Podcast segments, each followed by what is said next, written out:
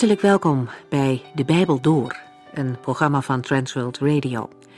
De Bijbel Door is een radioserie die u in vijf jaar meeneemt door de hele Bijbel. Van Genesis 1 tot Openbaring 22.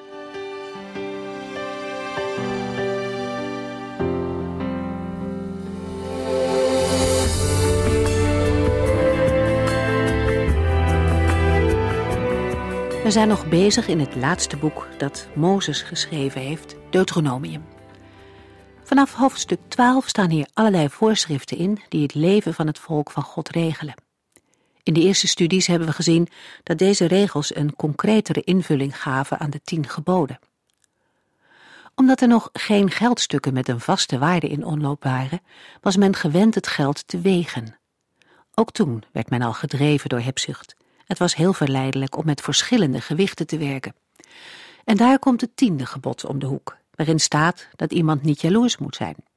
De Heere God heeft een afkeer van fraude en van oneerlijke methoden waarbij iemand zich ten koste van een ander verrijkt. Hij wil dat zijn volk eerlijk is, ook in de handel. Dan zal de Heere dat zegenen. In deze verse wordt er een belofte van een lang leven in het beloofde land aan vastgekoppeld. In de volgende verse verwijst Mozes terug naar Amalek, de Amalekieten. Dit volk heeft de Israëlieten lafhartig aangevallen toen ze door de woestijn trokken. Amalek viel in de achterhoede aan, op de zwakste plek, toen de mensen vermoeid en uitgeput waren. Laten we ons ervan bewust zijn dat ook in de geestelijke strijd die er elke dag woedt, dit soort vijandelijkheden voorkomen. Geestelijke vermoeidheid verzwakt mensen en maakt mensen kwetsbaar. Het beste is om daarmee naar de Here te gaan. Wie hem verwachten, krijgen nieuwe kracht, zegt Jesaja 40. Zij lopen, maar worden niet moe. In Deuteronomium 26 wordt daarna de liturgie beschreven voor twee verschillende gelegenheden, waarin de Heere dank wordt gebracht voor het land en voor zijn zegeningen. En hiermee wordt het gedeelte over de wetten afgesloten. Wij gaan verder met Deuteronomium 27.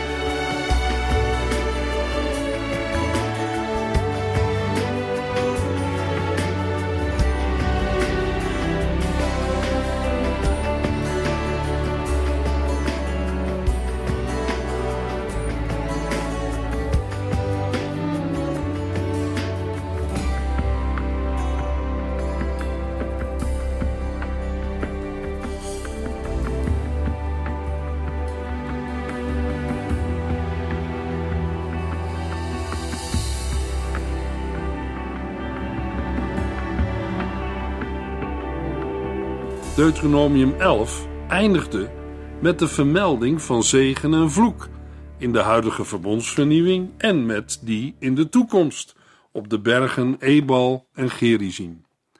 Daarna volgde een lang gedeelte met wetten en bepalingen. Deuteronomium 12 tot en met 26. Nu komt in Deuteronomium 27 de uitwerking van het slot van Deuteronomium 11, de zegen en de vloek. Na de verklaring van de verbondsvernieuwing van Mozes in het gebied van Moab, Deuteronomium 26, geeft Mozes in Deuteronomium 27 instructies voor het uitvoeren van enkele heilige handelingen in het beloofde land. Nu we met een nieuw gedeelte beginnen, is het goed om iets over het verbond te zeggen. Het woord verbond is al een aantal keren genoemd. In de Bijbel komen we verschillende soorten verbonden tegen. Soms is het een overeenkomst tussen twee personen. Een andere keer is het een verbond tussen volken onderling. Daarnaast zijn er verbonden die de Heere sluit met mensen, een volk en de mensheid. Een aantal zijn we al tegengekomen in de eerste Bijbelboeken, namelijk het verbond met Adam, Noach, Abraham, Mozes en Israël. Nu gaan we verder in op de verbondsvernieuwing bij de berg Ebal, ook wel het Palestijnse verbond genoemd. Wij bedoelen ermee de herbevestiging van de landbelofte in een apart verbond met een nieuwe generatie Israëlieten. Over de herkomst van het woord Palestina zijn de meningen sterk verdeeld. Het woord komt in de grondtekst van de Bijbel niet voor en is waarschijnlijk via de historien van de Griekse geschiedschrijver Herodotus in omloop gekomen. Herodotus wordt gezien als een groot Grieks historicus en in het Westen zelfs beschouwd als de vader van de geschiedschrijving. De historien worden tot een van zijn belangrijkste werken gerekend. Juist in de historien is een belangrijk stuk over het ontstaan van de naam Palestina opgenomen. Op een van zijn reizen hoort Herodotus over de geschiedenis van Jacob en zijn worsteling met God. In de originele tekst komen een aantal Griekse woorden naar voren die ons zeer bekend in de oren klinken.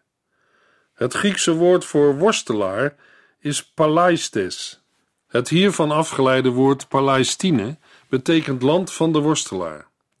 In hetzelfde stukje geschiedenis wordt over het volk van Jacob gezegd dat het maar één God erkent en dat zijn naam door hen niet eens uitgesproken mocht worden. Laat staan dat er beelden van hem mochten worden gemaakt. Daartegenover kenden de Grieken vele op mensen lijkende goden.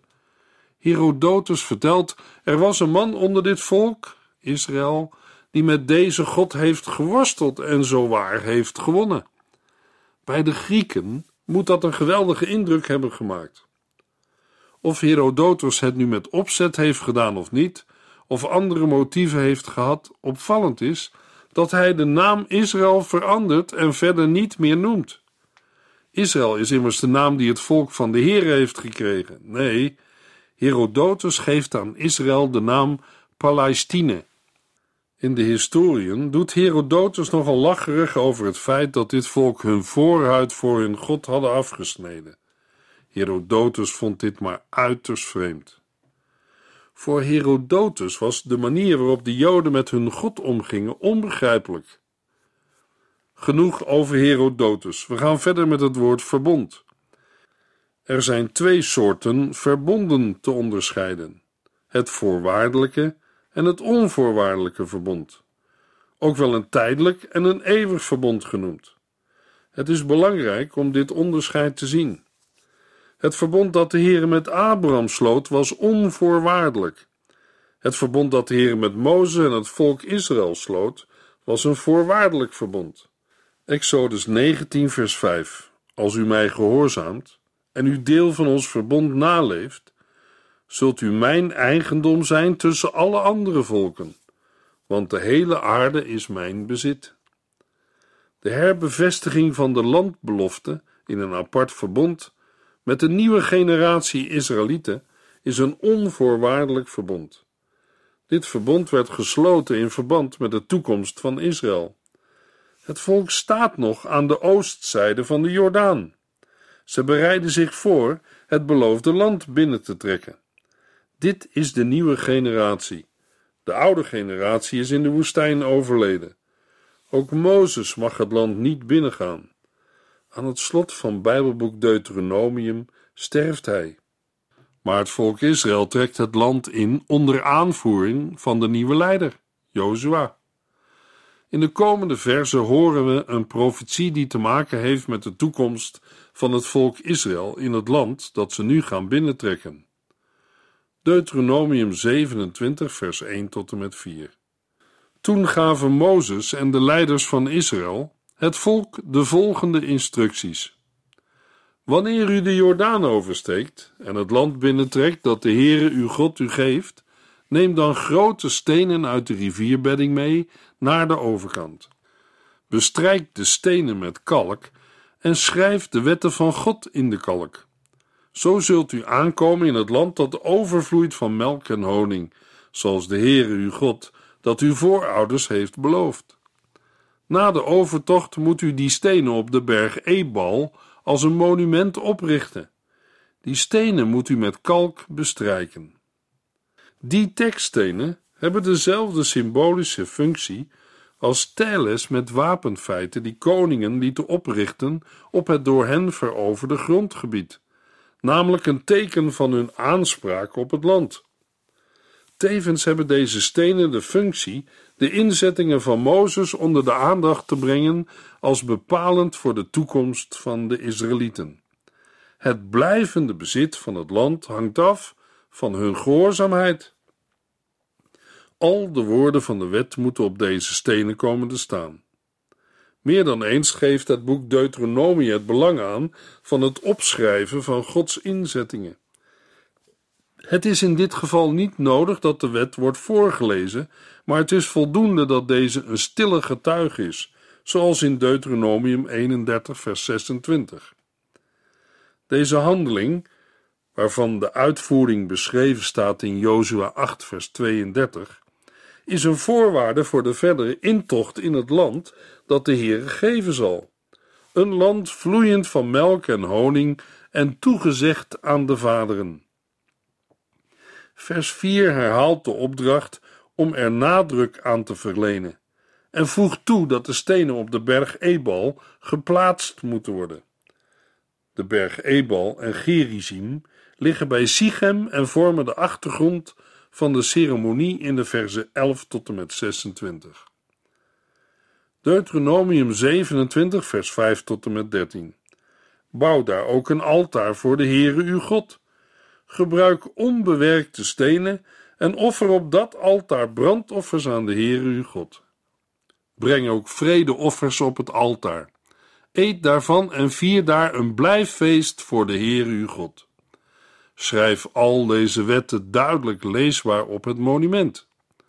Mozes en de Levitische priesters richten het woord tot heel Israël. Wees stil, Israël, en luister. Vandaag bent u het volk van de Heere uw God geworden. Daarom moet u vandaag beginnen alle wetten en gedragsregels die ik u heb gegeven te gehoorzamen. Mozes gaf het volk de volgende instructie: Als u oversteekt naar het beloofde land, zullen de stammen van Simeon, Levi, Juda, Issachar, Jozef en Benjamin op de berg Gerizim staan om vanaf dat punt een zegen uit te spreken.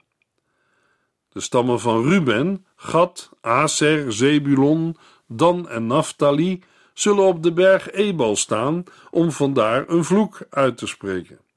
De berg Ebal blijkt de vervloeking te symboliseren. De plaatsing van de stenen van de wet op de berg van de vervloeking is een ernstige waarschuwing voor Israël. Wanneer het volk beseft dat de vloek van de wet mogelijk in werking zal treden, mag het bij deze plaats ook terugdenken aan de belofte die de Heer aan de aartsvaders heeft gegeven. De verkiezing en genade gingen vooraf aan de wetgeving op de Sinaï en in de vlakte van Moab. Dat biedt hoop voor de toekomst. Deuteronomium 27, vers 14 en 15. Dan zullen de Levieten, die tussen hen instaan, met luide stem tegen Israël zeggen: Vervloekt is de man die een beeld maakt en het op een geheime plaats aanbidt, of het nu gemaakt is van steen, hout of gegoten metaal. Want de Heere haat deze zelfgemaakte goden. En het hele volk zal antwoorden: Amen. In de versen 16 tot en met 25 worden twaalf zaken vervloekt. Daar ga ik niet nader op in, want de voorbeelden leggen zichzelf uit en gaan over het overtreden van alle tien geboden. Deuteronomium 27 sluit af met vers 26. Vervloekt is hij die deze wetten niet nauwgezet gehoorzaamt. En het hele volk zal antwoorden: Amen. Het is van belang om te zien dat de genoemde zonden vaak allemaal in het verborgene bedreven worden en moeilijk kunnen worden ontdekt. Daarom is het nodig het volk ervan te overtuigen dat de Heere de verborgen overtredingen ziet en ook straft. Het nalaten van deze zonden leidt op zichzelf niet tot zegen. Er zijn elf specifieke zonden aan de orde geweest. Als een representatieve selectie en de twaalfde spreuk in vers 26 is een alomvattende bepaling. De vervloeking is geen verwensing die voortkomt uit haat, maar wortelt in de zorg om het nakomen van de geboden. Het zijn een soort negatieve zaligsprekingen, te vergelijken met de wee-uitroepen in Jesaja 5 en Lucas 6. Ongehoorzaamheid leidt tot verdrijving uit het land. De verwachting is dat de nieuwe generatie Israëlieten onder de vloek van de wet komt. Er is geen sprake van een eenvoudige leer van vergelding naar de daden, maar door oordelen en straffen heen overwint Gods genade. Paulus citeert vers 26 in Galaten 3 vers 10. Hij trekt de lijn door naar ieder mens en zegt: Maar ieder die probeert het met God in orde te maken door de wet te houden, valt onder de vloek van God. Want er staat in de boeken: Vervloekt is hij die deze wetten niet nauwgezet gehoorzaamt. Daaraan voegt hij toe dat Christus ons heeft vrijgekocht van de vloek van de wet, door voor ons die vloek op zich te nemen. Er staat immers: iemand die aan een paal is opgehangen, is vervloekt. Galaten 3, vers 13. Het gaat om de relatie met God. Een relatie die in woord en daad steeds weer vernieuwd mag worden. Alleen dan zullen we de vloek van de wet ontgaan. Uiterlijke maatregelen zijn daarbij niet genoeg, zoals de geschiedenis van Israël leert. Gelukkig is de Heere zelf bereid harten te reinigen. Deuteronomium 30, vers 6. Zodat de wet daarin gegraveerd wordt en de liefde en gehoorzaamheid van binnenuit komen. Jeremia 31, vers 31 tot en met 33. Deuteronomium 28, vers 1 tot en met 6. Als u deze wetten en regels van de Heere uw God, die ik u vandaag bekend maak, volledig gehoorzaamt, zal hij u boven alle volken van de aarde verheffen. Dit zijn de zegeningen die over u zullen komen als u luistert naar de stem van de Heere uw God. Gezegend zult u zijn in de stad en in het veld. U zult gezegend zijn met veel kinderen, grote oogsten, grote kudden, en kleinvee en rundvee met fruit en brood. U zult gezegend zijn waar u binnenkomt en waar u naar buiten gaat. Wanneer de Israëlieten gehoorzaam zijn aan het verbond, zal de Heere hen zegenen. Maar wanneer ze ongehoorzaam zijn aan het verbond, zal vervloeking volgen. Nog steeds is er de belofte van overvloed en zegening als Israël de Heere gaat gehoorzamen. In de versen 7 tot en met 12 komt de zegen aan de orde in bescherming tegen vijanden, goede oogsten en gezond vee. De Heere zal Israël veranderen in een heilig volk, vers 9. Alle mensen op aarde zullen zien dat Israël de Heere toebehoort en zij zullen ontzag voor hen hebben. Hij zal alles zegenen wat u doet. Deuteronomium 28, vers 13 tot en met 19. Als u alleen maar luistert en gehoorzaamt aan de geboden van de Heere uw God, die ik u vandaag geef, zult u in alles voorop lopen en niet achteraan komen en zal uw weg altijd omhoog voeren. Maar al deze zegeningen krijgt u alleen als u niet afwijkt van de wetten die ik u heb gegeven, noch naar rechts, noch naar links, en ook mag u nooit andere goden aanbidden. Als u niet naar de Heere uw God luistert en deze wetten die ik u vandaag geef niet wilt gehoorzamen, zullen al deze vervloekingen over u komen. U zult vervloekt zijn in de stad en in het veld. Vervloekt zal uw fruit en brood zijn. U zult de vloek dragen van een onvruchtbare moederschoot. Uw oogsten zullen vervloekt zijn. En er zal een vloek rusten op de vruchtbaarheid van uw vee en kudden. Vervloekt zult u zijn waar u binnenkomt en waar u naar buiten gaat. Net als in Leviticus 26 begint de tekst met de zegeningen en eindigt met de vervloekingen. De volgorde is precies omgekeerd aan die van de Oud-Oosterse teksten. Het valt op dat ook hier het gedeelte over de vervloekingen veel langer is dan het gedeelte over de zegeningen. Mogelijk is dit om het volk te prikkelen tot gehoorzaamheid en navolging.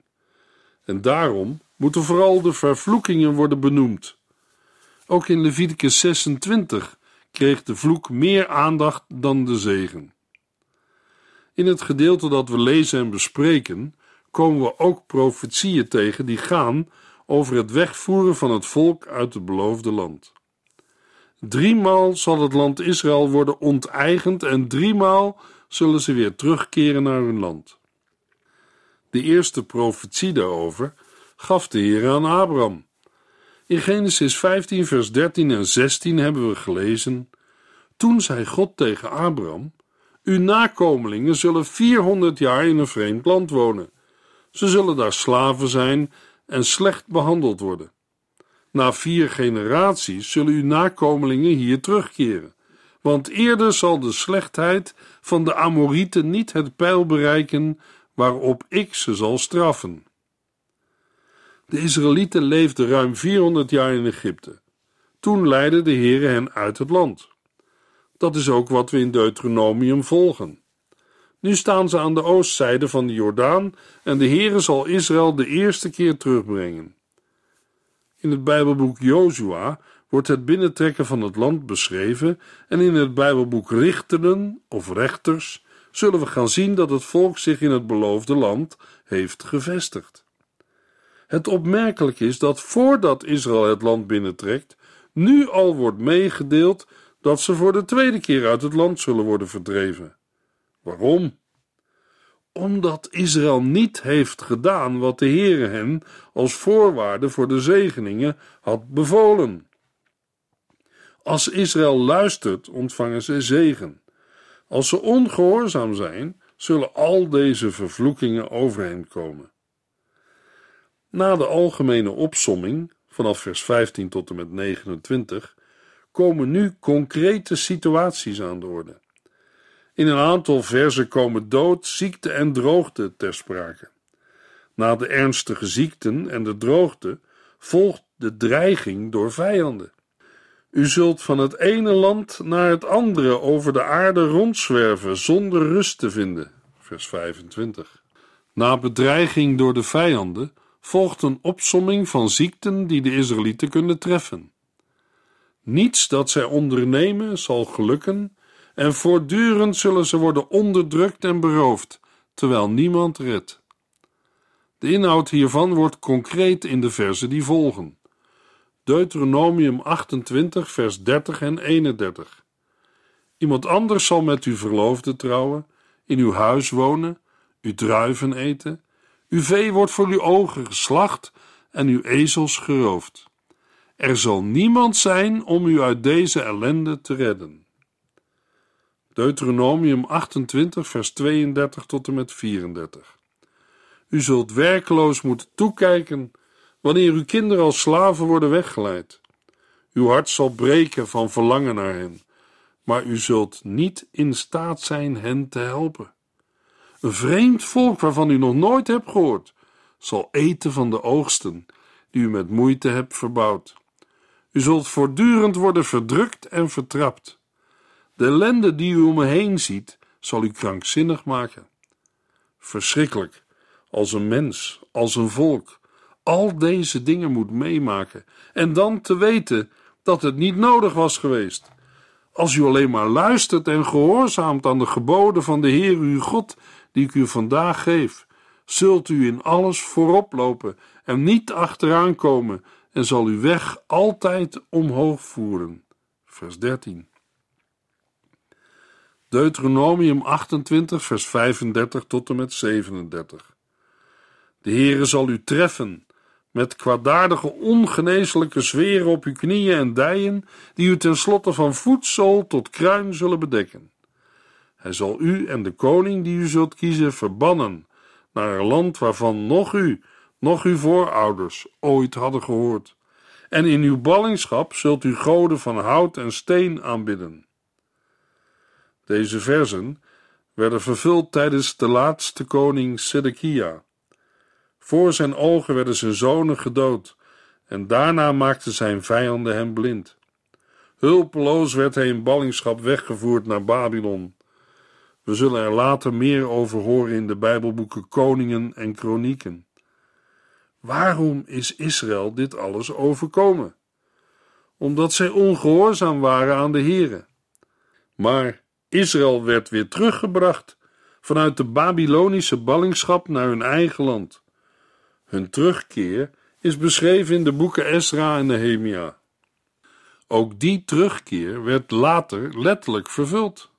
Daarna wordt Israël voor de derde keer verstrooid en weggevoerd uit het beloofde land door de Romeinen. De Romeinse keizer Titus verwoestte tijdens de Joodse oorlog in 70 na Christus Jeruzalem en nam de tempelschatten als buit mee naar Rome. De Titusboog in Rome herinnert er nog steeds aan. In de versen 38 tot en met 47 wordt de ellende van een ballingschap en de gevolgen voor het land beschreven. Deuteronomium 28, vers 48 en 49. De Heere zal uw vijanden op u afsturen, en u zult hongerig, dorstig, naakt en behoeftig zijn. Een ijzeren juk zal op uw nek worden gelegd, totdat u bent vernietigd. De Heere zal een volk uit een ver land tegen u laten optrekken, als een arend die langzaam naar daarbij komt zweven. Het is een volk met een taal die u niet verstaat. Ook in de boeken van de Joodse geschiedschrijver Flavius Josephus is beschreven dat de Romeinen zijn gekomen. Rome, bekend als het ijzeren koninkrijk, vervult de profetie. Een ijzeren juk zal op uw nek worden gelegd. Het is interessant dat de Romeinse legers het embleem van een arend droegen. De versen 50 tot en met 57 de verschrikkelijke details van de Romeinse belegering van Jeruzalem. Daarna werden de Joden over de hele wereld verstrooid. In de versen 58 tot en met 68 wordt nogmaals het straffend handelen van de Heer in het vooruitzicht gesteld. Hoe letterlijk zijn de vervolgingen door de eeuwen heen voor alle Joodse families geweest? Het zijn de gevolgen die de Heer had voorzegd van niet luisteren naar zijn woord. Ik hoop en bid dat wij van hun voorbeeld zullen leren. Laat het ons ook brengen tot gebed voor de vrede van Jeruzalem. Wij zegenen alle Messiaans beleidende Joden die hun eigen landgenoten het evangelie van de Heer Jezus Christus doorgeven. Gelovige Jood en Heiden hebben de opdracht alle volken op te roepen in Jezus Christus te geloven. Romeinen 1 vers 5. In de volgende uitzending lezen we Deuteronomium 29.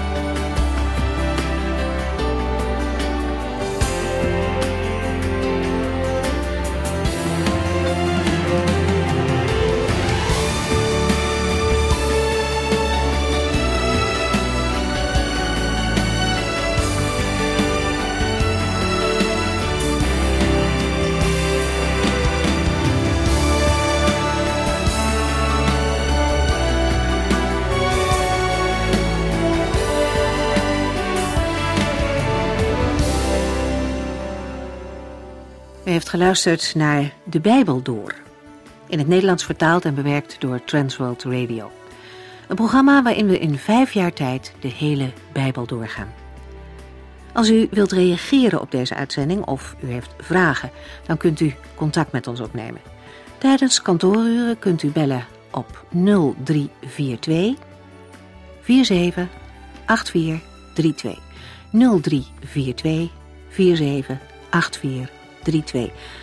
Ook kunt u een e-mail sturen naar de Bijbel door transworldradio.nl en natuurlijk kunt u ook via de post ons bereiken. TWR, postbus 371, postcode 3770, AJ in Barneveld. Dit programma werd gepresenteerd door Cor Weda en Ike André. Techniek was in handen van Odin van Woerdekom. En wij allemaal bedanken u voor het luisteren. Graag tot de volgende keer.